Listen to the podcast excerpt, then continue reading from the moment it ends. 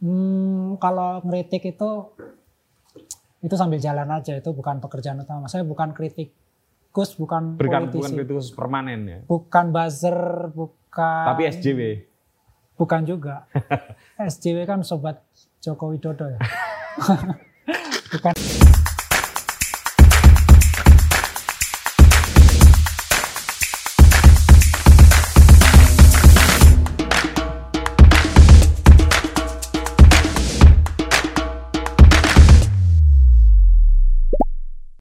Halo teman-teman, ketemu lagi dengan saya Putu TA Kepala Suku Mojo dan ini saat yang mengembirakan buat saya karena ketemu sahabat lama saya Bilven Sandalista. Tapi nama aslinya tentu bukan Bilven Sandalista. Saya tahu nama aslinya, tapi Bilven nggak akan bahagia kalau saya sebut nama aslinya. Halo Ven. Halo, apa kabar? Ya, kamu kok awet muda ya, Ven ya? Ya gitulah banyak minum air putih, banyak baca-baca buku kiri. Bilven Ya. ini aktivis yang awet sampai sekarang kayaknya hampir semua presiden dia kritisi kecuali SBY ya. Presiden Kuba.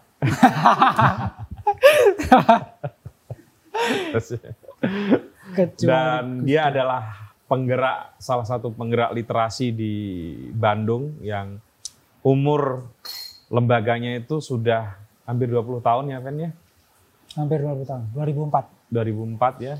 Saya kebetulan ikut Memprovokasi hmm, iyalah waktu mendirikan. dan awalnya adalah toko buku Ya, tuh. kemudian sekarang eh, menjadi bukan sekarang, kemudian beralih menjadi penerbit. Bisa ceritain nggak, Birven, kenapa dulu Ultimus dari toko buku menjadi penerbit?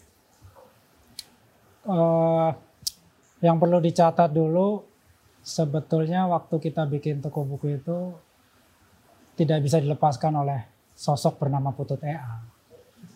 Karena kita bikin toko itu idenya memang eh, apa namanya berkembang setelah kedatangan beliau ke Bandung gitu. Hmm. Jadi itu nggak bisa dilepaskan sebetulnya ya. Putut EA dengan pendirian Ultimus itu. Hmm.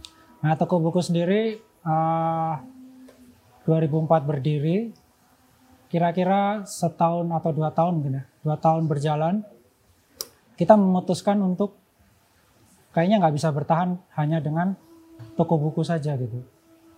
Jadi kita eh, bermetamorfosis gitu menjadi penerbit buku. Karena waktu itu kita lihat ya, kan kita punya konsep toko buku itu berbasis komunitas gitu. Betul. Nah kalau kita hanya toko buku saja itu eh, komunitasnya hanya di tingkat lokal saja, mungkin hanya di Bandung saja. Kita bikin acara sebanyak mungkin gitu, itu tetap orang hanya ngumpul di toko buku saja gitu. Hmm. Nah tapi kalau kita bermetamorfosis menjadi penerbit gitu, kita men- menerbitkan buku. Nah buku-buku kita bisa dibicarakan atau dibahas, diluncurin, dibikin acara di berbagai komunitas yang lain gitu. Jadi bisa lebih meluas gitu. Jadi itu alasan pertamanya kenapa kita bermetamorfosis. Alasan yang kedua, kira-kira tahun 2006 itu eh, kita menilai toko buku itu tidak bisa hidup, eh, tidak bisa bertahan gitu. Karena pada saat itu ya 2006, yang sebelumnya suplai buku-buku itu banyak, tapi pada tahun itu tiba-tiba drastis berkurang gitu. Iya. Jadi nggak mungkin Benar. kita hanya ngandalin toko buku saja gitu. Mm-mm. Suplai berkurang, buku baru berkurang. Itu banyak faktor ya. Eh, 2006 itu banyak faktor, tapi faktor terbesar itu karena gempa Jogja saya kira. Setelah gempa Jogja itu penerbit Jogja banyak yang berhenti menerbitkan buku. Jadi suplai terbesar kita 70% dari Jogja ya tiba-tiba berkurang. ya. Dan banyak penerbit yang bangkrut, Bilven. Nah ya Iya. bangkrut, nggak ada buku baru ya nggak ada suplai baru, Hmm. orang mungkin ke toko buku kan mencari buku baru gitu. Jadi mungkin menjadi sepi jadinya gitu. Hmm. Jadi kita memberanikan diri menerbitkan buku yang eh, belum pernah kita lakukan sebelumnya. gitu. Nah, Bilven ini memang aktivis ya dia. Uh, dia adalah junior saya di LMND dan dia bukan dari kampus sembarangan. Dia S1-nya STT Telkom, S2-nya ITB. Kamu, Van, kamu kan sebenarnya hmm. bisa jadi orang kaya. Maksudnya ya kamu oh, tahu lah maksudku ya.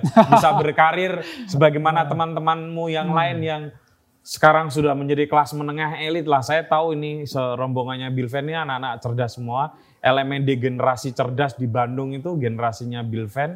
Dan hampir semuanya menjadi orang yang mapan gitu ya. Hmm. Kamu dengan bekal S1 STT Telkom, S2 uh, ITB, kok bersetia dengan hal-hal kayak gini gitu loh Bahkan kadang-kadang kopi aja habis gitu. Ya, uh, sebetulnya sebetulnya uh, apa ya? Uh, kenapa saya bertahan dengan dengan apa yang kami rintis gitu ya? Itu memang ada juga pengaruhnya dari kuliah juga gitu. Maksud oh, iya. saya ilmu-ilmu yang saya dapat di Telkom S1 gitu ya. Dan kemudian di S2 itu sah, uh, sama. Saya kan saya kan jurusan teknik industri itu. Sebetulnya ada ada juga hubungannya dengan bisnis yang sedang digeluti gitu. Teknik industri yang di mana? Dua-dua teknik industri. Oh. Di STT Telkom itu saya jurusan teknik industri. Waktu itu sekolah tinggi masih ya. Sekarang kan sudah TELU ya, sudah universitas. Oh sekarang udah universitas? Sudah universitas. Sebelumnya hmm. sempat institut. Tapi waktu zaman saya masih sekolah tinggi itu, itu hanya ada tiga jurusan. Dan itu dibayarin negara kan kalau nggak salah? Enggak, swasta. Swasta. Sudah dibayar masing-masing lah. Hmm. Uh, jadi hanya ada tiga jurusan. Nah saya jurusan teknik industri. Yang lain teman-teman saya ada teknik elektro atau teknik telekomunikasi ya. Yang ketiga teknik informatika gitu. Jadi saya di teknik industri itu sebetulnya ada juga uh, kaitannya gitu. Ada marketingnya, keuangannya, akuntansinya saya pelajari juga gitu. Hmm. Nah, begitu lulus, pas saya lulus itu sekitar 2000 2002 ya. Iya, 2002 2003 lah kamu. 2002 saya lulus uh, coba-coba memasukkan pendaftaran ke ITB dengan jurusan yang sama. Teknik dan manajemen industri gitu. Hmm. Nah, saya masuklah di ITB itu dan ilmunya juga hampir sama itu. Mungkin mengulang dan ya lebih sulit dikit lah. Tapi sebetulnya sama. Nah selama saya kuliah itu eh, teman-teman yang di Telkom ini ngumpul-ngumpul, nah itu di situlah kira-kira ide bikin toko buku itu. Yeah. Dan itu kayaknya ber bersamaan ketika saya mendapat satu mata kuliah mata kuliah inovasi dan kewirausahaan kalau nggak salah. Hmm. Uh, dan mahasiswa di kelas itu diminta untuk membuat proposal unit bisnis gitu. Oh. Nah saya bikin toko buku sebetulnya sebagai tugas mata kuliah itu dan oh. dipresentasikan. Oh. Nah waktu saya presentasikan belum ada itu Ultimus belum ada toko buku belum ada. Yeah, Jadi yeah. saya presentasi aja konsep saya. Uh, kemudian ya teman-teman sekelas juga banyak presentasi bikin apa warnet di kompleks apa segala macam yang hebat-hebat gitu ya. Hmm. Saya bikin toko buku. Waktu itu mungkin imajinasinya itu ya seperti toko buku yang berbasis komunitas. Mungkin pada saat itu ada hutan kayu atau QB gitu ya. Tapi intinya toko buku yang nggak jual buku doang gitu. Nah saya bikin konsep itu dan saya presentasikan ke dosen saya waktu itu. Hmm. Profesor Gede Raka. Oke. Okay. Nah, teman-teman yang lain bagus-bagus lah dapat nilai A gitu. saya kayaknya dapat nilai B gitu. Waduh. B kan udah bagus. Ya bagus. Itu tapi untuk umumnya A, B, A, B. Tapi gitu. untuk untuk Bilven itu belum bagus lah ya. Ya biasa aja lah gitu. Nah, tapi saya punya punya apa namanya tantangan. Kayaknya saya harus realisasikan itu gitu. Hmm. Nah, begitu saya sudah mencoba menyusun bisnis plan gitu. Datanglah Putu TA dari Jogja. Waktu itu kita undang bicara dalam satu diskusi bazar gitu ya, bazar atau pameran buku gitu. Selesai acara ya kita ngobrol-ngobrol dan membuat toko buku itu kemungkinannya semakin besar dengan kedatangan beliau gitulah kira-kira. Baik. Di tahun 2003 itu, 2003 2004 lah, Iya. 2003 akhir. Akhirnya kita realisasikanlah toko buku itu. Hmm. Mulai Desember kita susun, November mungkin ya, November 2003. 2004 toko buku kita buka 15 Januari itu. Dan aku datang lagi tuh. datang lagi ya. Jadi sebetulnya nggak ada apa eh, nggak ada perbedaan yang banyak gitu. Jadi ilmunya sebetulnya saya pakai juga gitu. Nah, ketika di awal-awal toko buku berjalan 5 5 6 bulan gitu, sebagian teman-teman seperti yang Putut bilang tadi, lulus kerja di mana, lulus kerja di mana gitu ya. Dan memang sudah mapan semua lah dengan gaji dua digit pada saat itu ya. Iya. Nah saya nggak digaji kan, saya kan eh, ngurus toko gitu. Nah di samping teman-teman sekelas saya waktu itu melihat ternyata saya merealisasikan bisnis itu gitu, merealisasikan proposal tugas kuliah itu, sementara yang lain kan tidak merealisasikan sama sekali ya. Nah, Nah, saya sempat eh, sempat menghilang karena ngurus toko buku. Jadi tesis saya tertunda. Jadi saya termasuk lulus lama lah tiga, Iya, iya, tiga iya. tahun tiga tahun ya. Se- Sementara kurikulumnya empat semester doang.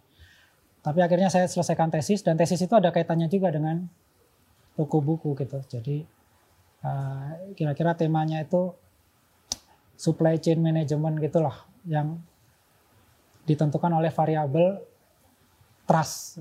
Jadi ada Hmm. variabel trust gitu. hmm. Nah, itu mata kuliah gitulah. Iya, iya, iya. Nah, teman-teman mungkin baca koran karena Ultimo sering meluncurkan buku dengan mendatangkan tokoh-tokoh gitu ya. Nah, Seno Gumira, Putu Wijaya dan lain-lain. Nah, mereka ngeliat saya merealisasikan itu. Jadi saya nggak nggak malu gitu dengan teman-teman kuliah saya gitu. Nah, kembali ke Ultimus begitu teman-teman kuliah saya yang banyak bekerja di telekomunikasi dengan gaji dua digit, hmm. saya berpikir sempat berpikir pada saat itu eh, kalau ini semua teman-teman meninggalkan Ultimus gitu ya Ultimus langsung almarhum lah pada saat itu kan nggak ada yang meneruskan gitu tapi saya berpikir kayaknya harus ada yang meneruskan ini Hmm. apalagi pada saat itu kita sudah mulai berinteraksi dengan banyak orang Hmm. terutama orang-orang tua ya, yang eh, mempercayakan banyak harapan kepada Ultimus untuk meneruskan apa yang sudah mereka lakukan gitu. Misalnya saya ambil contoh, ada ada seorang tokoh namanya Ui Haijun ya, kami Eh, panggil iya. Om Ui. Oh, iya. Hmm. hmm. Dia meneruskan penerbitan Hasta Mitra dengan terjemahan terjemahan dia dari karya-karya Marx, Engels dan karya-karya klasik gitu. Hmm. Nah, pada saat itu kita sudah dipercaya oleh Om Uwi untuk mendistribusikan dan menjual buku-buku yang beliau cetak gitu. Pada saat itu umurnya udah 70 tahun gitu. Kita masih 20-an kan. Jadi hubungan itu terbangun gitu. Dan tidak cuma dengan Om Uwi gitu, dengan yang lain juga uh, kita berinteraksi gitu. Dengan Samsir Muhammad, dengan beberapa eksil. Kita dipercaya untuk menerbitkan buku-buku yang uh, ditulis oleh mereka gitu. Baik itu memoir, terjemahan, puisi, uh, novel, dan lain-lain gitu. Hmm. Jadi sudah sudah ada ikatan sebetulnya kita sudah berhubungan gitu. Nah itulah yang saya saya bilang tadi eh, kita menerbitkan buku itu juga ada faktor eh, apa eh, hubungan dengan beberapa orang-orang yang terhubung karena ada Ultimus gitu. Nah dari situ saya punya punya komitmen kayaknya Ultimus harus diteruskan gitu dan dibikin supaya lebih lebih maju gitu lah kira-kira. Jadi itu komitmen pribadi juga. Makanya kenapa kita berusaha bertahan lah sampai hari ini. Gitu. Nah, kenapa Ultimus mengambil ceruk yang agak-agak berbahaya, Bilven? Tentang gestok, ya, tentang orang-orang dari orang yang eksil, ya, yang dibuang Hmm. dan dipenjara oleh Orde Baru, isu-isunya agak berbau kiri sehingga beberapa kali Ultimus didatangi oleh ormas dan pihak aparat ya saya tahu persis itu acaranya dibubarin, Bilven Hmm. sempat beberapa kali lah harus menghilang gitu ya. Kenapa kamu kok mengambil risiko yang kayak gitu gitu? Ya sebetulnya itu bukan buku-buku yang berbahaya bagi kita. Itu, itu mungkin berbahaya bagi rezim kali itu ya. Iya, iya rezim saat itu. Berbahaya bagi rezim karena mereka tahu takut kedoknya terbongkar gitu. Ya mungkin berbahaya bagi. Bagi kita sebenarnya nggak berbahaya-berbahaya amat. Iya, iya. Maksudku, ya kamu tahu resikonya itu. Kenapa diambil? Kenapa nggak nerbitin buku-buku yang Iya. lain ya? Yang lebih aman, nyaman, sehingga nggak ada ancaman-ancaman yang menjadi gangguan dalam berbisnis buku gitu. Oke, eh, kan saya juga dapat mata kuliah apa namanya pemasaran ya segmen pasar dan Hmm. dan seterusnya gitu ya. Jadi saya melihat tidak banyak penerbit-penerbit yang mau atau mampu gitu menerbitkan buku-buku seperti ini gitu. Selain itu juga ada satu segmen pasar, ceruk pasar yang mungkin nggak besar, kecil, tapi harus dipenuhi kebutuhan eh, buku-bukunya gitu. Hmm. Nah, dari timbang menimbang itu saya pikir ya memang harus eh, harus harus ada penerbit yang menerbitkan buku-buku sejenis itu gitu. Hmm. Buku-buku yang menerbitkan sejenis itu. Eh, kalau dilihat eh, naskah-naskah yang masuk gitu ya, saya lihat, saya baca, saya edit juga gitu. Saya lihat memang naskah ini tidak mungkin diterbitkan oleh penerbit-penerbit yang ada gitu ya. Hmm, Faktor pertama mungkin tidak tidak laku karena ini yang nulis bukan tokoh gitu, tidak laku gitu. Ini siapa yang nulis gitu? Itu pertama. Jadi nggak dianggap buku yang akan layak jual oleh penerbit-penerbit besar lain gitu. Yang kedua, mereka kebanyakan juga takut dengan tema. Ya, 2000-an itu pada takut lah tema. Hmm. Gramedia KPG menerbitkan buku-buku eh, misalnya memoir gitu atau tentang G30S. Begitu didatangin ormas, mereka langsung menurunkan buku-bukunya. Gitu. betul. Jadi ada ketakutan seperti itu. Jadi alasan kedua belum tentu berani gitu. Nah, alasan yang ketiga eh, kita itu masih kekurangan wacana yang kekurangan wacana atau data-data atau informasi yang objektif terhadap sejarah kelam waktu itu gitu.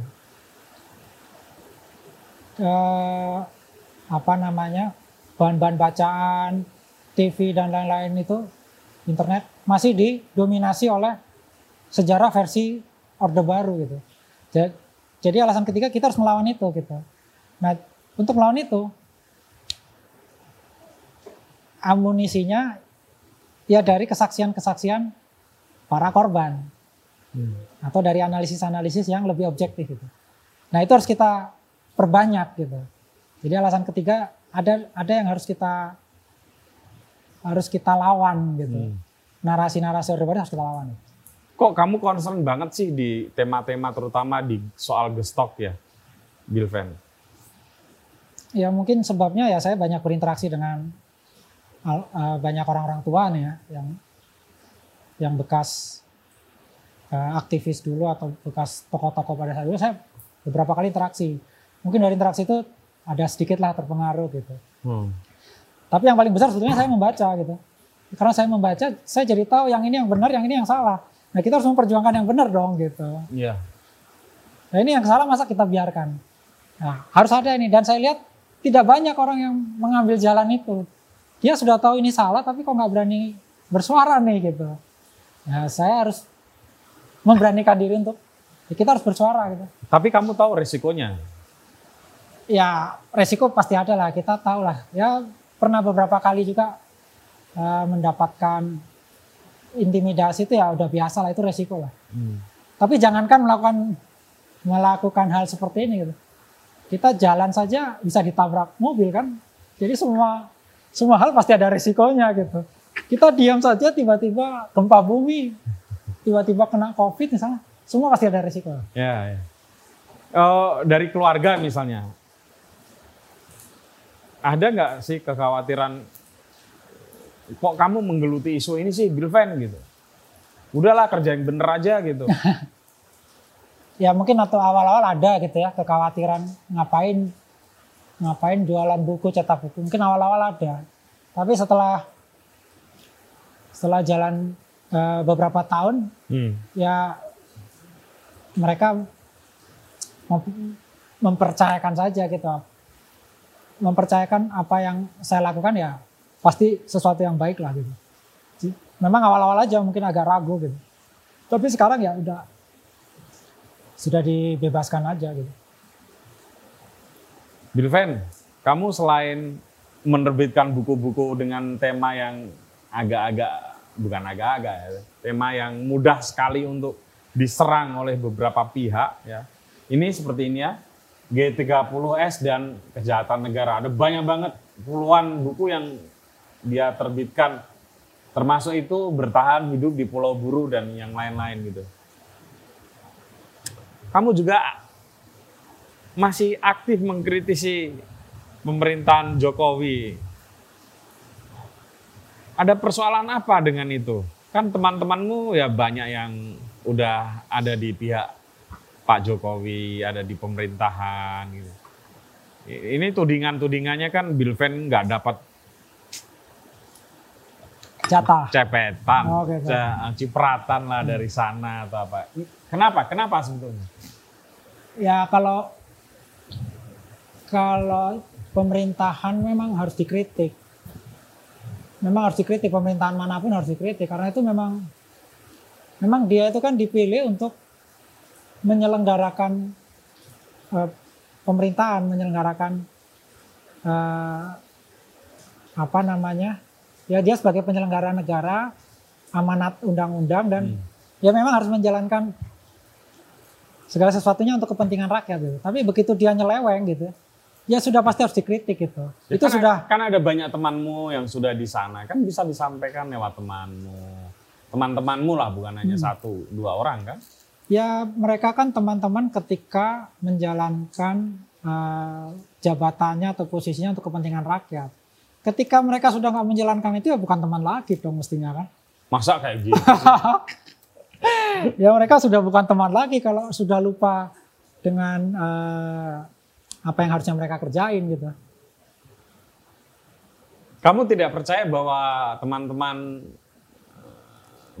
kita lah ya yang ada di apa pemerintahan Presiden Jokowi saat ini gitu ya tidak sedang menjalankan agenda politik yang penting tapi mungkin butuh waktu dan butuh proses sehingga nggak semudah yang kita pikir sebagai orang dari luar gitu.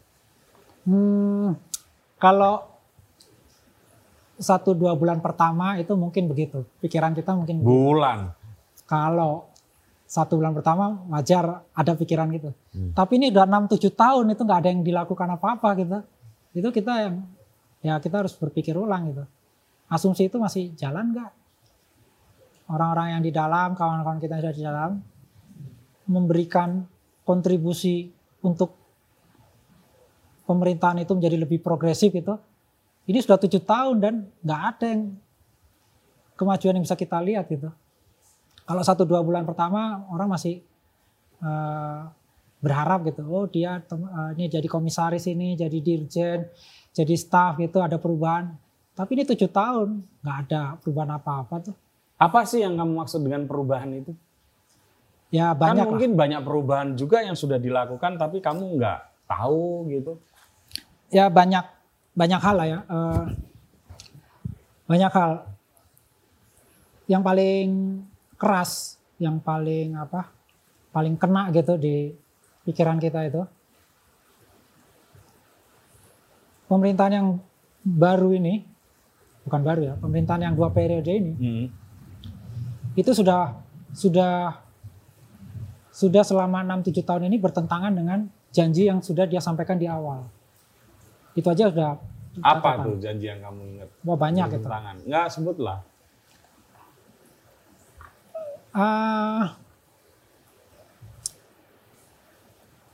ada banyak ya. Nawacita. ya di Nawacita itu banyak lah ya. Hmm.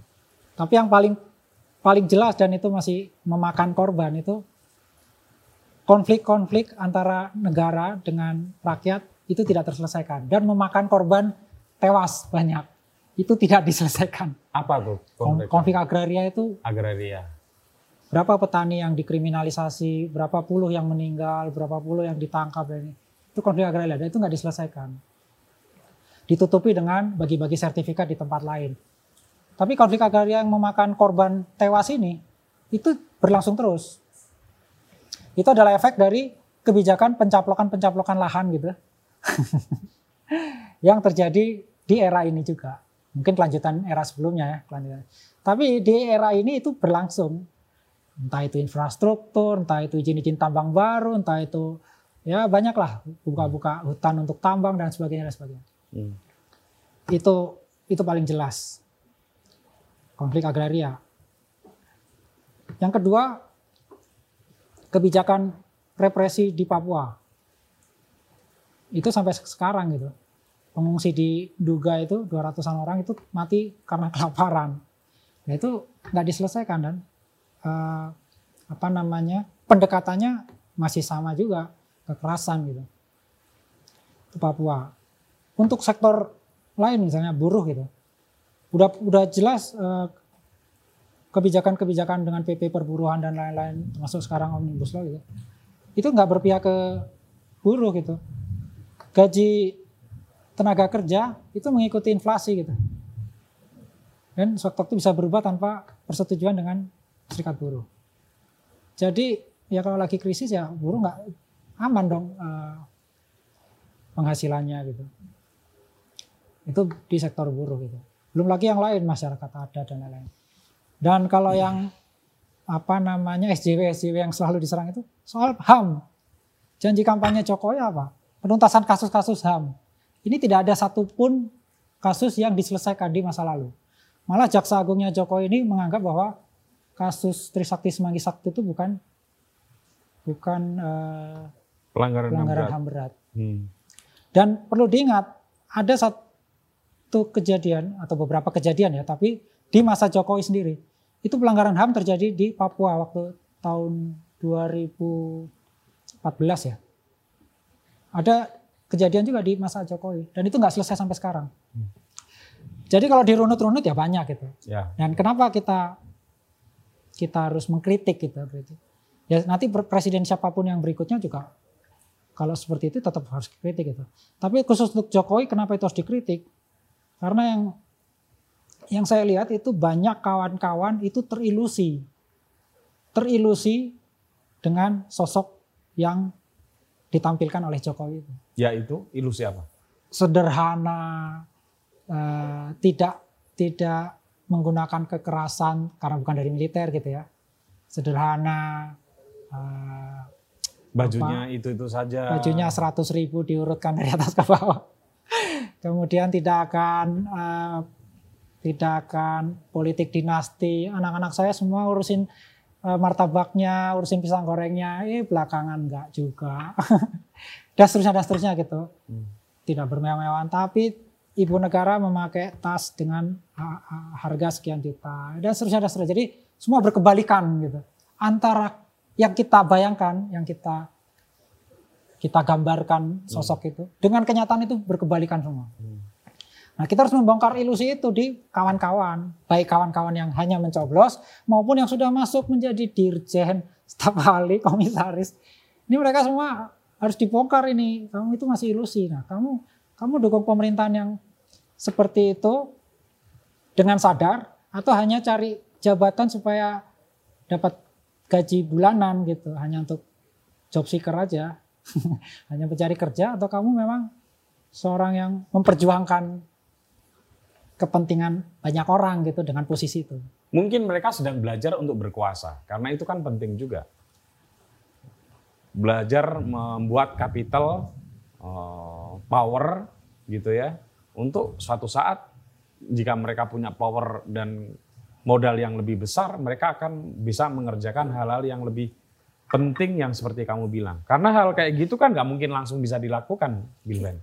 Ya, tapi tapi yang melakukan itu, yang belajar banyak dan cepat dan lain-lain, itu dalam kenyataannya itu bukan kawan-kawan. Justru orang-orang yang lain, yang lebih dominan, itu yang lebih banyak cepat belajar, sehingga dia berusaha mengubah harapan masyarakat progresif untuk hal yang lebih baik. Hmm. Tiba-tiba karena mereka lebih cepat belajar ya, tiba-tiba kita kembali lagi ke masa sebelum reformasi gitu. Jadi mereka sudah masuk lagi ke berbagai sektor yang dulu kita tolak gitu. Hmm. Jabatan ABRI kita tolak bifungsi. Ini semua polisi masuk di jabatan-jabatan sipil, militer masuk jabatan sipil peraturan perundang-undangan supaya pemilu lebih demokratis, eh, undang-undang pemilu harus diubah. Ini undang-undang pemilu makin dipersulit. Hmm. Jadi kita kembali lagi ke zaman Orde Baru. Jadi yang banyak belajar untuk mengubah dari reformasi menjadi kembali ke zaman sebelum reformasi, yang banyak belajar justru orang-orang yang tidak pro rakyat. Bukan kawan-kawan kita yang belajar, justru justru uh, pihak penguasa yang tidak berpihak ke rakyat itu. Bukan orang yang pro reformasi yang cepat belajar. Orang yang pro orde baru yang cepat belajar. Terakhir nih, Ven. KPK kamu, itu yang paling jelas juga. Karena kamu mau ada acara ini, walaupun Wilven ini aktivis dan ini, tapi jadwalnya padat banget ini. Bicara di mana-mana, ngasih kursus politik di mana.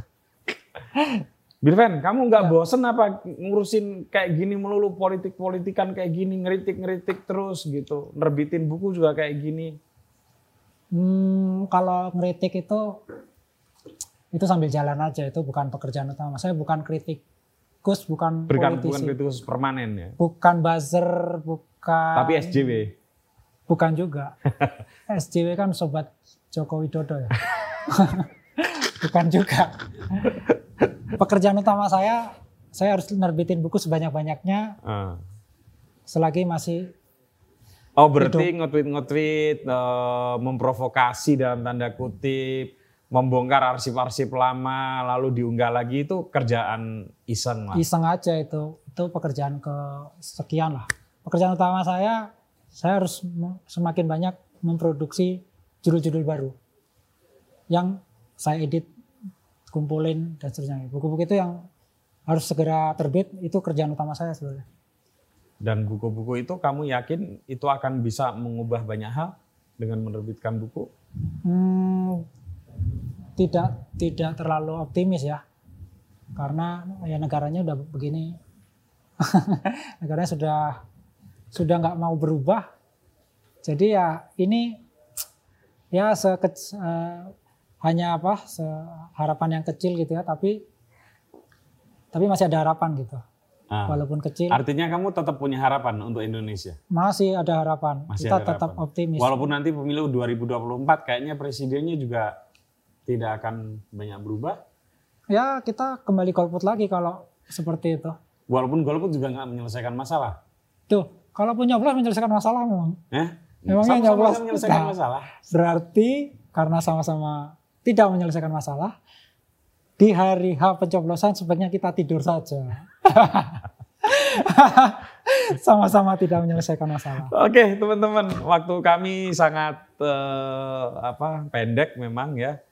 Uh, tapi saya secara pribadi mengapresiasi betul Bill Van soal dia banyak mengkritik oleh mengkritik Presiden Jokowi. Saya juga sekali mengkritik, tapi tidak sekeras Bill Van ya.